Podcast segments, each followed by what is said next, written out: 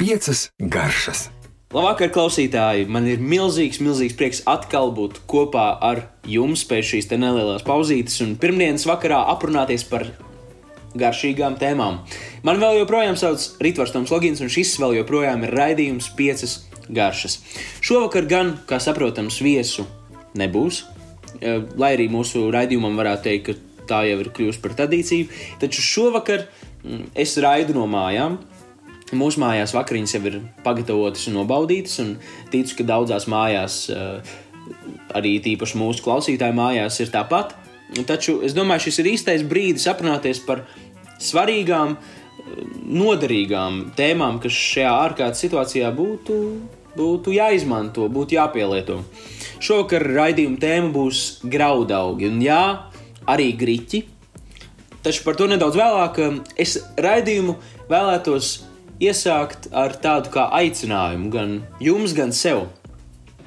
Tad, kad mēs dodamies iepirkt mūsu leduskapiem, mūsu pieliekamajiem produktus, krājumus, es aicinu izvēlēties Latvijas ražotāju produktus. Un, ja tīpaši ir iespējams Latvijas mazo ražotāju, mazo audzētāju, mazo uzņēmumu produktus. Un, ticiet man, šajā situācijā, tīpaši mazajiem uzņēmējiem, katrs nopirktais produkts ir ļoti, ļoti, ļoti svarīgs. Un arī runājot par lielajiem ražotājiem, tomēr daudz labāk, ja tā nauda paliek pie mums, vai ne? Un runājot par restorāniem, nu, varētu teikt, ka šādu krīzi, kādu šobrīd piedzīvo restorānu industrija pasaulē, nu, tādu tā nav piedzīvojusi vismaz pēdējo 50 gadu laikā kā mēs, kā patērētāji, varam līdzēt šajā situācijā. Un patiesībā mēs varam to darīt, un lielā mērā tas ir arī atkarīgs no mums. Jums katram noteikti ir savs mīļākais restorāns, sava mīļākā vieta, uz kurien doties. Un lielisks veids, kā viņiem palīdzēt, lai tomēr viņi varētu spēt turpināt darbu arī pēc šīs krīzes beigām, ir iegādāties šī restorāna dāvanu karti. Eh, piemēram, ir situācijas, ka jūs zināt, ka jums ir kāda liela svētki, vai gada diena, vai dzimšanas diena, paredzēta vasarā vai rudenī, vai, vai nu, kāda, kāda svētki, kas svinam, vai vienkārši jūs zināt, ka kaut kad dosieties uz savu mīļāko restorānu. Ja jums finansiāli šobrīd tas ir iespējams, iegādājieties dāvanu kārtu. Ticiet man, tas viņiem ļoti daudz nozīmēs.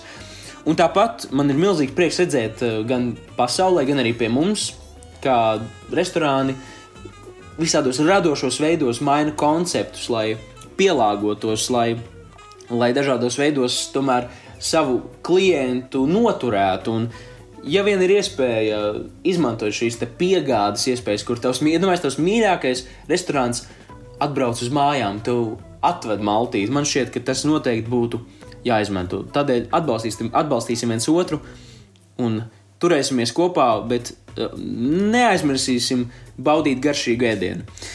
Bet runājot par šodienas tēmu, par graudaugiem, tā tie nu gan ir tādi, kurus mēs paši noteikti varam pagatavot, un šodien es vēlos izcelt vairākus tādus, uh, vairāku veidu. Mm, bet, ja mēs skatāmies Latvijas vēsturē, tad jāsaka, ka mēs nemaz tādu kartupeļu ēdāju tautu, kā mūsu pasaulē sauc, neesam bijusi diezgan labu laiku, vēl diezgan ilgu laiku arī pēc um, lielajiem geogrāfiskiem atklājumiem, kad kartupeļi nokļuva Eiropā. Vēl pirms 200-300 gadiem Latvijas iedzīvotāju ēdienkārti pamatā veidoja pašu izaudzēti graudi. Un visbiežāk galdā celtais ēdiens bijusi kviešu, miežu vai prosas putra. Un tādēļ es domāju, ka mēs varētu iesākt uh, mūsu, ar mūsu visaktuālāko graudaugu šobrīd ar griķiem. Eh, jāsaka, gan, ka visi tie grīķi, kurus visticamāk šobrīd mums ir kaudzes visiem mājās, pasaulē neviens īsti nesaprastu, kādēļ viņi ir brūni jo, un ar tādu grauzdējumu piegāršu. Jo pasaulē visi ēd zaļos grīķus, eh, kuri nav grauzdēti. Padomju laikos, lai grīķi ilgāk uzglabātos, lai, lai tie nepalētu, lai tie nezaudētu savu garš, savas garšas īpašības, ko tie zaudē. E, tie tika iesākti, ši, iesākt šis graude, grauzdēšanas process, un tas ir saglabājies līdz pat mūsdienām. Varbūt es iesaku pamēģināt, it īpaši tiem, kuriem negaršo grīķi, jo es zinu daudz tādu cilvēku. Pamēģināt zaļos grīķus, kā viņi oriģināli ir arī domāti. Viņi ir, protams, daudz uzturvielām bagātāki, viņiem nav šī grīķu garša tik izteikta, viņi ir neitrālāki, bet uh, viņi ir veselīgi. Bet, uh, Pirms es sāku stāstīt vislabākos pagatavošanas uh, veidus dažādos ēdienos, es gribu sākt ar pašu svarīgāko. Kā vislabāk izvārīt grīķus, lai tie, ne, lai tie būtu irdeni, lai tie nebūtu pārvārīti putrā. Un izrādās, ir viens izcils veids, kā to mēs varam izdarīt, mm, ko es arī jau pēdējos desmit gadus vismaz pielietoju. Šausmīgi vienkārši, šausmīgi efektīvs. Tātad mums, mums ir katls.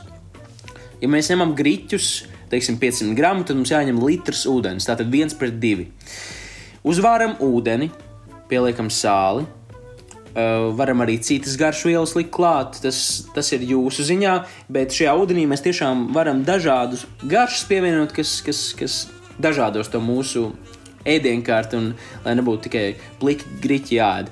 Bet tā tad mēs uzvāram ūdeni katlā, ieberam grīķus, apmaisam, uzliekam vāku, vēl joprojām vāram, lai viņi atkal vēlreiz uzvārās, jo iebraukt grīķus šīs vārīšanās procesa brīdi apstāsies.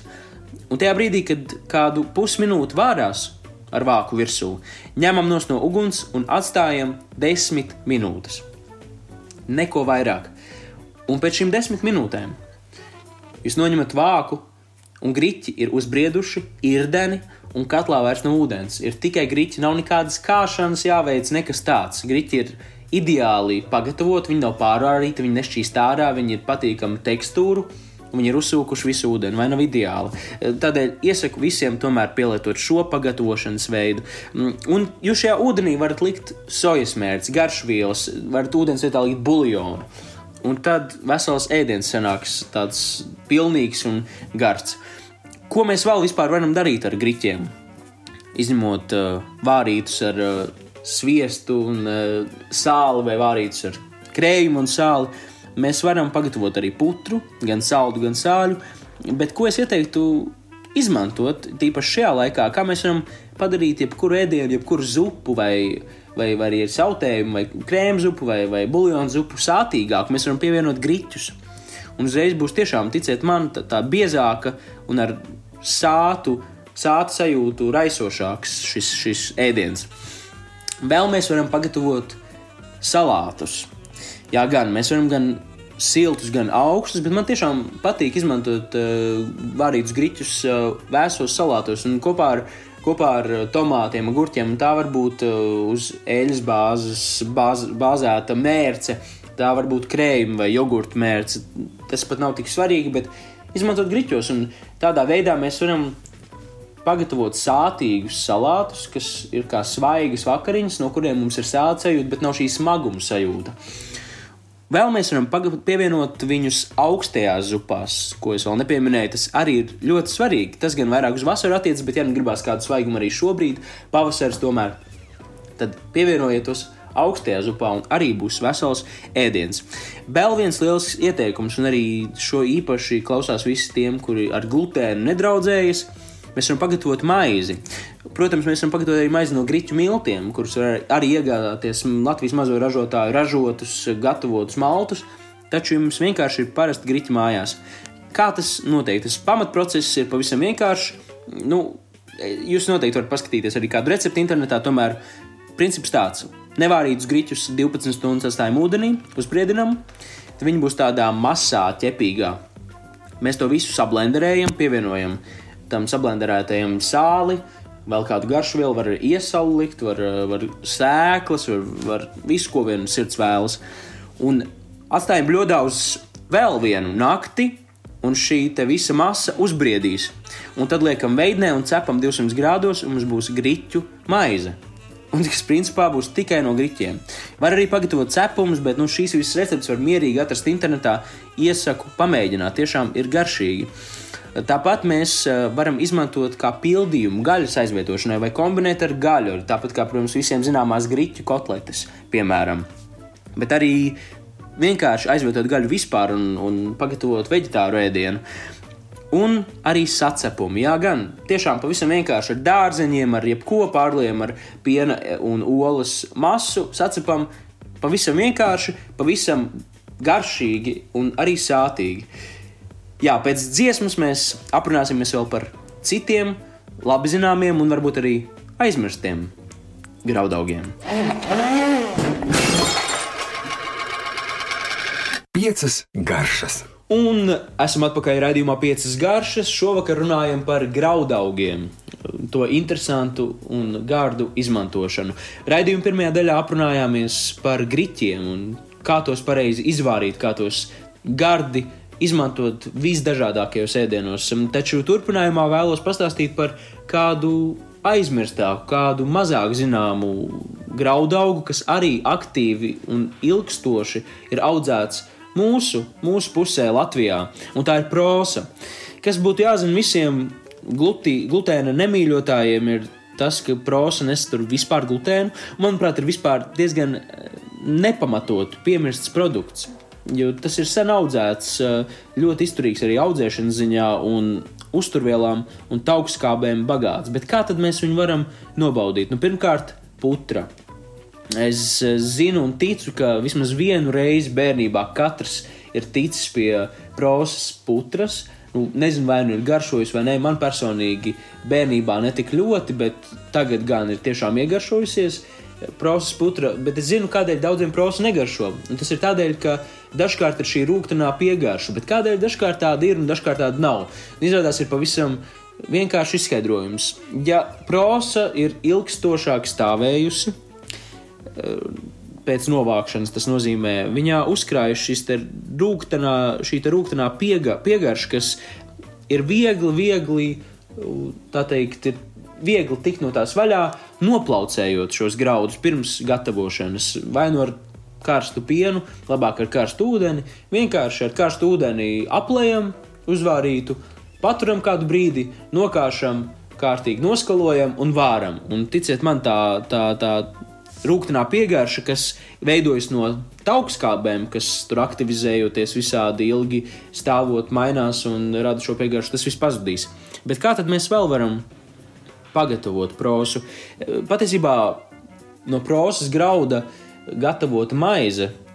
It īpaši austrumu pusē ir ļoti, ļoti izplatīta, un mēs arī dažādos internetu veikalos varam iegādāties prosas miltus vai arī paši samalt un pagatavot, ja ir interese. Bet, Jā, ko es ieteiktu pagatavot? Pavisam vienkārši ir, ja ir labs buļļons, vai ja gribas uzvārīt labu buļļonu, padarīt to par tādu ļoti sātīgu un patiesībā šim vēl joprojām vēsiem laikam piemērotu ēdienu, kā prosas zupu.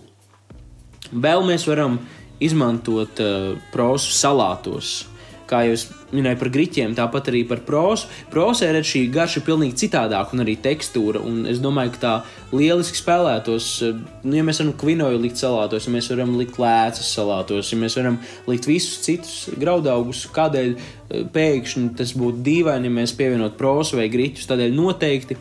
Iesaku to darīt. Un vēl kāds mans mīļākais veids, tomēr ir un paliek eh, putra, saldā putra ar pienu un sviestu un žāvētiem augļiem. Tas būs tiešām garšīgi, un to es iesaku visiem kaut reizi pamēģināt. Nu, ko raidījuma turpinājumā aprunāsimies par vēl vienu graudaugu, kas patiesībā no kur mēs iegūstam trīs dažādus produktus, kur katrs ir pilnīgi atšķirīgs un vērtīgs un interesants. Piecas garšas. Un esam nokļuvuši raidījuma trešajā un noslēdzošajā daļā. Šovakar runājam par graudaugiem. Paspējām jau papļāpāt par grīķiem, kas šobrīd ir tik aktuāli un tik populāri, un arī par diezgan aizmirsto prosu. Uh, raidījuma noslēgumā es vēlētos uh, uzsvērt un izcelt vēl vienu lielisku graudaugu, kur mēs noteikti šobrīd tīpaši varam pielietot mūsu gatavošanā, mūsu maltītēs, un tie ir mieži. Un mieži mums dāvā nu, vairākus produktus, bet tādus uh, aktuālos un tādus populārus mēs varētu dēvēt tādus trīs. Tie ir miežu putrājumi, grūbas un kailgraudu mieži. Pastāstīšu par katru atsevišķu un par tā izmantošanu, bet kādēļ es vispār vēlējos šovakar pastāstīt arī par miežiem? ja mēs salīdzinām miezi ar mieža graudu, ar, ar kviešu graudu, tad kvieši cauri gadu simtiem un tūkstošiem ir dažādos veidos ietekmēti, mainīti, ģenētiski modificēti uh, un visādos veidos potēti un tā tālāk. Uh, taču, ja mēs salīdzinām kviesi ar miezi, tad mieža grauds, nesen lasīju pētījumu par mieža graudiem, kur 6000, 6000 gadu veci mieža graudi tika atrasti kādos izrakumos un tika veiktas šo graudu analīzes. Uh, Un jāsaka, ka šis ģenētiskais sastāvs, šī ģenētiskā uzbūve caur šiem, tiem, šiem, šiem tūkstošiem gadu nav baigi mainījusies. Līdz ar to tas grauds ir tāds, kā, principā, kā tas ir radies un kā tas dabā ir izveidojies. Tādēļ tas tiešām arī ir šobrīd par parasto kviesi daudz kvalitatīvāks un daudz uzturvielām bagātāks. Bet sāksim par šiem tēmām trīs eh, dažādiem produktiem runāt. Tātad pirmkārt sāksim par miežu putrājumiem. Noteikti bērnībā arī nācies uh, tos dažādos veidos nobaudīt, kāpēc tie ir. Tīpaši padomu laikos bija tik aktuāli, tādēļ, ka tur nebija tik svarīga graudu kvalitāte, jo tāpat tie tika ļoti samalti, sīki. Taču kā mēs šobrīd varam tos aktuāli pielietot? Protams, buļbuļsaktiņa putra, mūsu nacionālais dārgums ir viens no veidiem. Taču man, pēc manas pieredzes eh, šis grauds ir lielisks arī jebkāda veida tādos kā sautējumos. Ja mums ir kāda izteiksmīga dārzeņa, piemēram, tomātu mērķis vai, vai kādu, kā, kāds tāds, tāds sautējums, kas šiem miežu putrājumiem ir par lielisku īpašību, ka šie putrājumi ļoti uzbriest un ļoti uzsūc šo šķidrumu, šo mērci un paši piesūcās ar šīm garšām un izveidot tumīgu, patīkamu tādu putru, ko var baudīt gan no rīta, gan teiksim, tādu sāļu vakariņu. Uh, ēdienu pagatavot, un uh, kas gan ir svarīgi atcerēties ar miežu putrājumiem. Viņi diezgan ātri uzvārīsies. Mēs varam likt viņus pat no mērcē, pat no ēdienā un vārīt. Uh, nav nepieciešama iepriekšēja novārīšana. Taču būtu labi atcerēties, ka viņi vienmēr ir jānoskalo. Jo tā visi tie milti, tā, kas, kas ir apkārt, viņi vienkārši saķipinās pārāk šo visu ēdienu, un tad tā, tā, par, šis ēdiens, respektīvi, kļūst par klīsteri. Tādēļ noteikti nomazgājam caur smalku sietiņu, smalk, smalkā sietiņā ieliekam šos graudu, eh, miežu graudus, samaltos miežu putrājumus un noskalojam vairākos ūdeņos, līdz tas ūdens, kas papakš tā kā ārā jau vairs, vairs eh, nav duļķēns un ir kļuvis tīrs. Un tajā brīdī mēs varam pievienot ēdieniem, un būs ļoti garšīgi un sātīgi. Tādēļ, ja mēs kādreiz pagatavojam kādu garšīgu mērci, tas pats attiecas arī uz kādu zupu. Uh, ir zināms, protams, ka mēs liekam, varam pievienot miešu putrājumu zupām. Noteikti darām to, jo tas vienkārši arī tādā ziņā padarīs ēdienu sātīgāku, papalielinās viņu apjomā. Bet nezaudēs garšu, jo šie, šie, šie putrājumi piesūksies ar visām garšām, kas jau ir ēdienā. Tālāk par grūbām grūbas jau nu, teiksim, pēdējos 10, 15 gados ir atkal modē atnācis uh, produkts, par ko man ir milzīgs prieks. Visi gruboto, tā saucamie rīsu aizvietošanas uh, veidi, kā mēs varam pagatavot uh, grūbu risoto vai grūbu dažādus. Viņus varētu arī tehniski saukt par grūdeņiem. Uh, ja mēs tā Latvijas, Latvijas vēsturē skatāmies. Bet eh, jā, dažādas eh, salātos, protams, putrās, eh, risoto, tā teikt, saucamajos gruboto, noteikti izmantojam tos. Un, ja kas ir ļoti forši arī ielikt vārītas grūbas, gan jau cietas, neliekam nevārītas, bet vārītas grūbas ielikt uh, sacepumos, ielikt iekšā saldās kūkās, keksos. Tas iedos tādu neatkārtojumu tekstūru. Es arī esmu vienā konkursā piedaloties kūkā, līdzis iekšā grauzdētas grūdas pamatnē. Tas savukārt ir ļoti kraukšķīgu sajūtu. Tas arī ir veids, mēs varam vienkārši apcept grūdas panā, un viņas būs eh, kraukšķīgas ar grauzdējumu piegaršu. Viņas tā ļoti daudz ēst kādā ēdienā likt nevar, bet kā pamatnē iecept iekšā burvīgi, tas arī ir veids. Bet tieši tās vārītās grūdas noteikti iedos arī sacepumos un dažādu veidu kūkās, keksos patīkamu tekstūru un garšu. Un, kas gan jāatcerās, vārot grūdas, viņas diezgan ilgi vārīsies. Un šeit gan tur nepietiek tāpat, kā es redzēju, pirmajā daļā minēju, ar, ar vieglu novārīšanu un tad atstāšanu, lai viņas uzbriest. Tur tomēr nepieciešama ilgstoša vārīšana, un kā mēs varam palēnināt šo procesu, ielikt pa nakti augstā ūdenī, viņas uzbriedīs, un tad daudz ātrāk šis vārīšanas process notiks. Vienkārši būs vienkāršāk. Taču noteikti jāatcerās, jebkurā gadījumā vajag viņus kaut kādā veidā noskalot, noskalot nos tos, to, to, tos miltus, tos, kas ir apkārt, jo tas arī visu to procesu var padarīt nepatīkamāku, var, var kļūt par klīsteru šis vārīšanās ūdens, un to mēs nevēlamies. Noteikti iesaku gan saldos, gan sāļos ēdienos izmantot grūbes, un jau zinu, ka diezgan daudzi latviešu audzētāji zemnieki audzē kailgraudu miežus, kas ir nopērkami ļoti diezgan plaši pieejami. Varbūt mēs bieži vien pājām garām un nepamanām. Taču tieši kailgraudu mieži pēc dietologa viedokļa esot visveselīgākie graudi no visiem graudaugiem. Tāpēc arī pietaupīju pašām raidījuma beigām šo graudu. Šis graudaugs ir ar visvairāk šīm uzturvērtībām, un kas, kas ir arī svarīgi, viņam apkārt ir šis apvalks šim graudam, kurā jau vienmēr ir visvairāk to vērtīgo vielu. Un šādu graudu mēs noteikti mums nepieciešams skaļgraudu miežus gan iesaka e, izmērcēt un tad vārīt, bet tekstūra būs tāda tiešām, nu, nevar pat salīdzināt īstenībā, ar ko viņi būs patīkami. E, saturēs sevi, viņi nelips kopā nekad, viņi būs iekšā mīksti un apkārt sapalciņš būs nedaudz tāds cietāks un, un ļoti patīkams sajūta, tāda tieši tā tekstūra. Un viņi ir ļoti veselīgi pat caur visām vārīšanām. Tādēļ, ja mēs vēlamies varīt risoto vai kaut kādu veidu putras vai kaut ko, es iesaku izmantot kailgraudu miežus. Tā kaut kā īsumā par graudiem.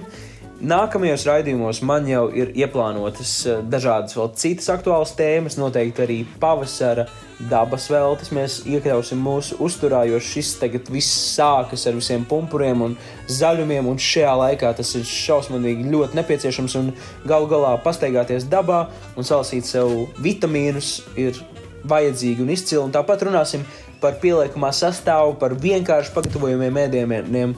Šis bija raidījums piecas garšas. 96. raidījums. Pavisam drīz mums būs raidījumam simtais, simtā reize. Tādēļ noteikti varat gaidīt ko īpašu. Paldies, ka klausījāties! Sargiet sevi, sargiet savu veselību, savus mīļos, un tiekamies jau nākamnedēļ. Čau! Piecas garšas!